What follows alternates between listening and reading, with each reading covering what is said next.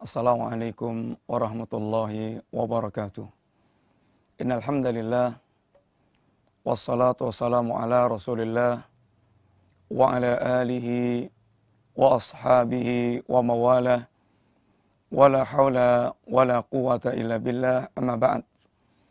Alhamdulillah para pemirsa yang dirahmati Allah Subhanahu wa taala Kembali kita berjumpa dalam sisilah kajian akidah, akidah Islam, akidah warisan Rasulullah Sallallahu Alaihi Wasallam dan para sahabatnya, akidah al-sunnah wal jamaah. Akidah yang semestinya seorang muslim, dia meniti dan memiliki akidah yang sahihah sebagai dasar dan landasan dalam membangun agamanya. Para pemirsa yang rahmati Allah Subhanahu wa taala, kita sedang dalam pembicaraan nawaqidul Islam, pembatal-pembatal Islam dan kita insya Allah masuk pada pembatal Islam yang terakhir. Ini pembatal Islam yang ke-10. Setelah kita melalui sembilan pembatal Islam yang pertama asyirku fi ibadatillah kesyirikan terhadap Allah Subhanahu wa taala. Yang kedua, tawasul dalam beribadah kepada Allah, mengangkat wasilah, mengangkat perantara antara dia dengan Allah dalam hal ibadah. Yang ketiga, malam kafiril musyrikin, orang yang mereka tidak mengkafirkan kaum musyrikin, atau dia ragu terhadap kekafiran mereka atau dia bahkan membenarkan madhab kekafiran mereka. Yang keempat, orang yang mereka berkeyakinan man taqada anna hadya ghairi Nabi SAW akmal. Orang berkeyakinan bahwa petunjuk Rasul, petunjuk selain Rasulullah Sallallahu lebih sempurna dibandingkan dengan petunjuk Rasulullah SAW atau adanya orang yang mereka berkeyakinan bahwa ada hukum yang lebih baik dibandingkan dengan hukum Rasulullah SAW. Yang kelima, man abghadha syai'an mimma ja'a bi ar-rasul sallallahu alaihi wasallam. Orang yang mereka membenci apa yang dibawa Rasulullah sallallahu alaihi wasallam yang keenam, orang yang mereka istihza memperolok-olok al-istihza bidini Rasul memperolok-olok agama Rasulullah SAW termasuk memperolok-olok simbol-simbol keagungan dalam agama ini. Memperolok-olok Allah memperolok-olok agama Allah memperolok-olok Rasulullah sallallahu alaihi wasallam penghinaan dan pelecehan dan perkara yang telah banyak membudaya di tengah-tengah manusia yang tidak ada rasa pengagungan terhadap Allah, Rasulnya, dan agamanya. Yang ketujuh as-sihir. Ini perbuatan sihir. Mempelajarinya atau mengajarkannya atau dia rilba dengan pengamalan sihir yang ke delapan itu mudaharatu al-musyrikin. Dia memberikan pembelaan terhadap kaum musyrikin dalam rangka untuk mengalahkan kaum muslimin. Yang kesembilan, orang yang mereka berkeyakinan man taqada anna ba'dhan nas yasimuhu an syariati Muhammadin sallallahu alaihi wasallam.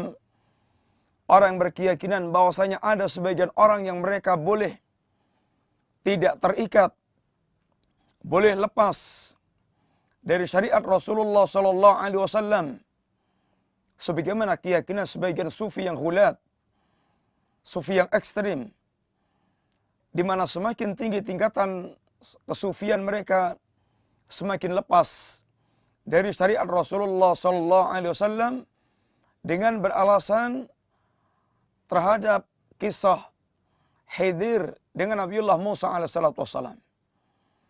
Dan kita insya Allah masuk pada pembatal yang ke-10. An-Naqib. An-Naqib Al-Ashir. Pembatal yang ke-10. Yaitu Al-I'radu an dinillah. La yata'allamuhu wa la ya'malu bih.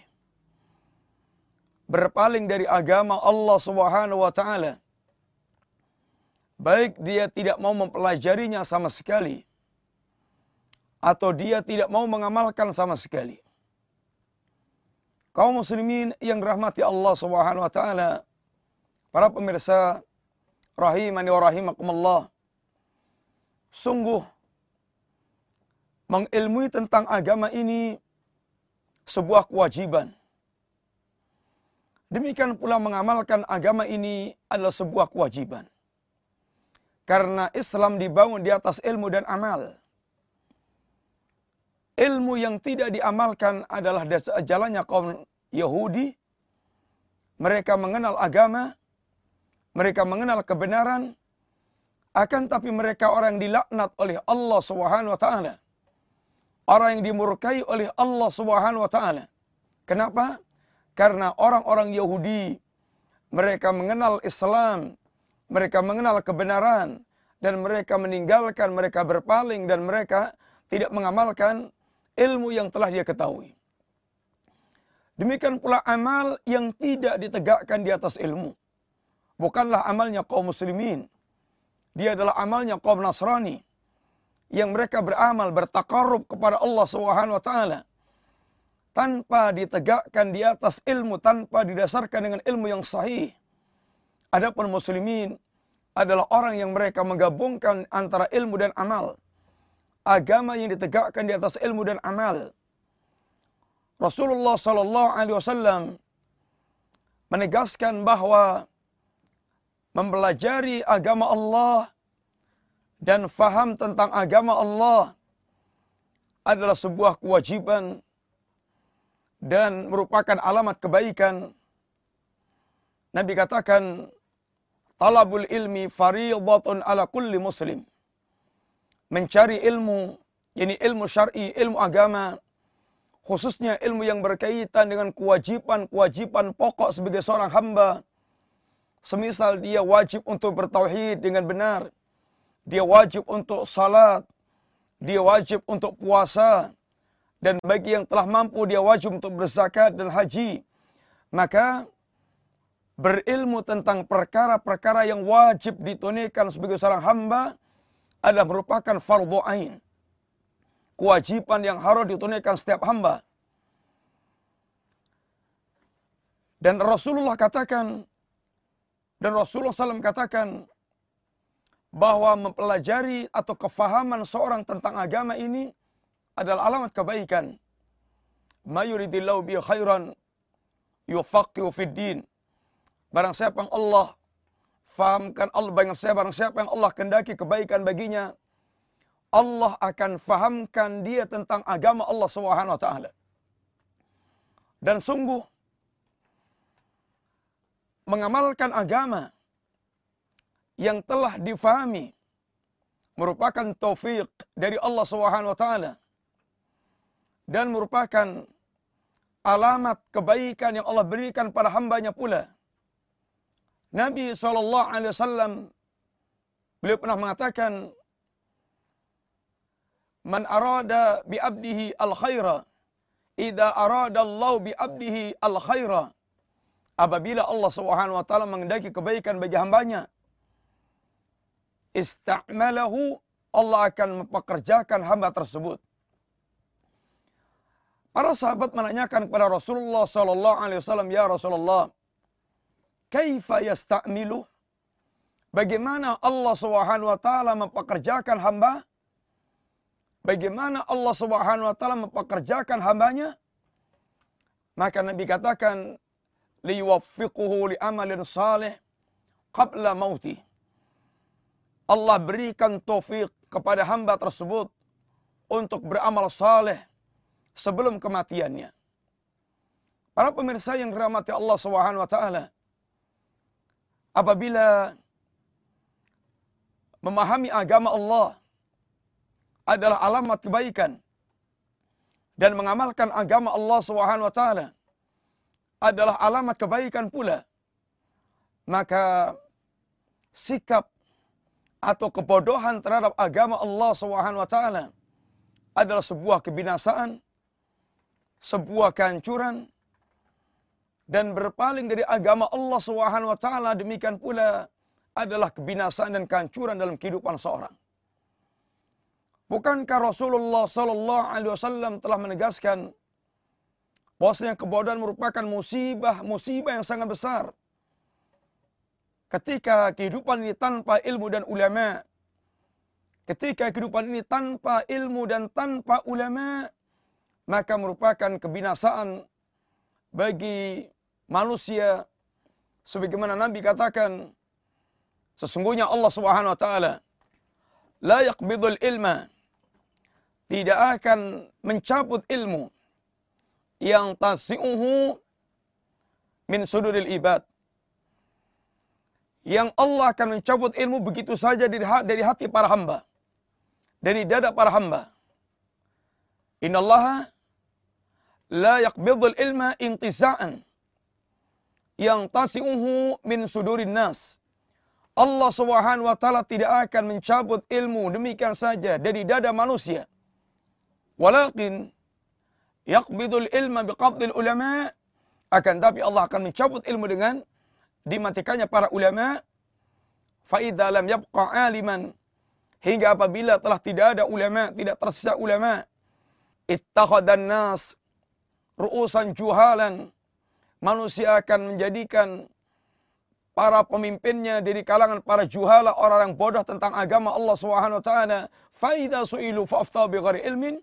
Apabila mereka ditanya tentang ilmu tentang masalah maka dia akan jawab tanpa ilmu. Maka akibat yang akan muncul fadallu adallu.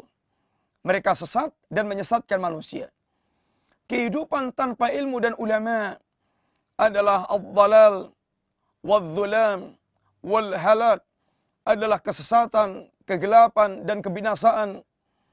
Sungguh berpaling dari ilmu yang menjadikan mereka bodoh terhadap agama Allah Subhanahu wa taala adalah sebuah sikap yang merusak kehidupan manusia dan tidaklah berpaling dari ilmu dan amal kecuali orang-orang kafir dan orang-orang munafik.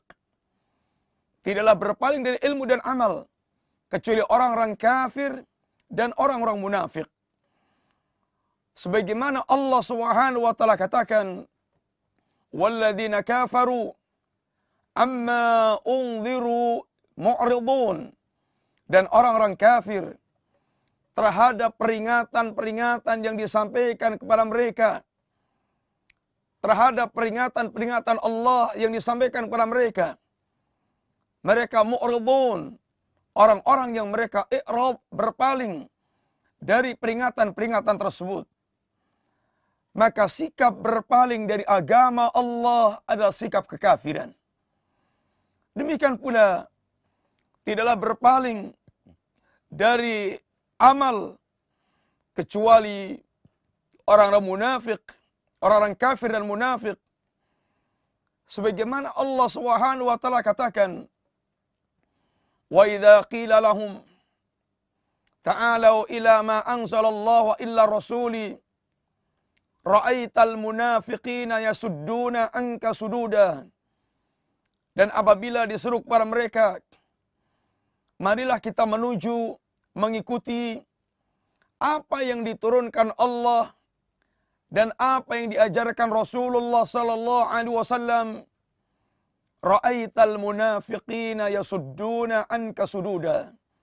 Anda akan melihat orang-orang munafik.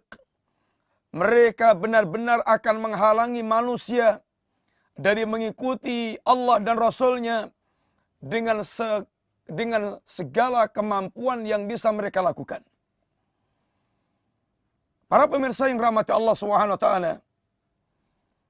Sehingga hanya orang kafir dan orang munafik yang pantas mereka berpaling dari petunjuk Allah dari ilmu dan berpaling dari amal.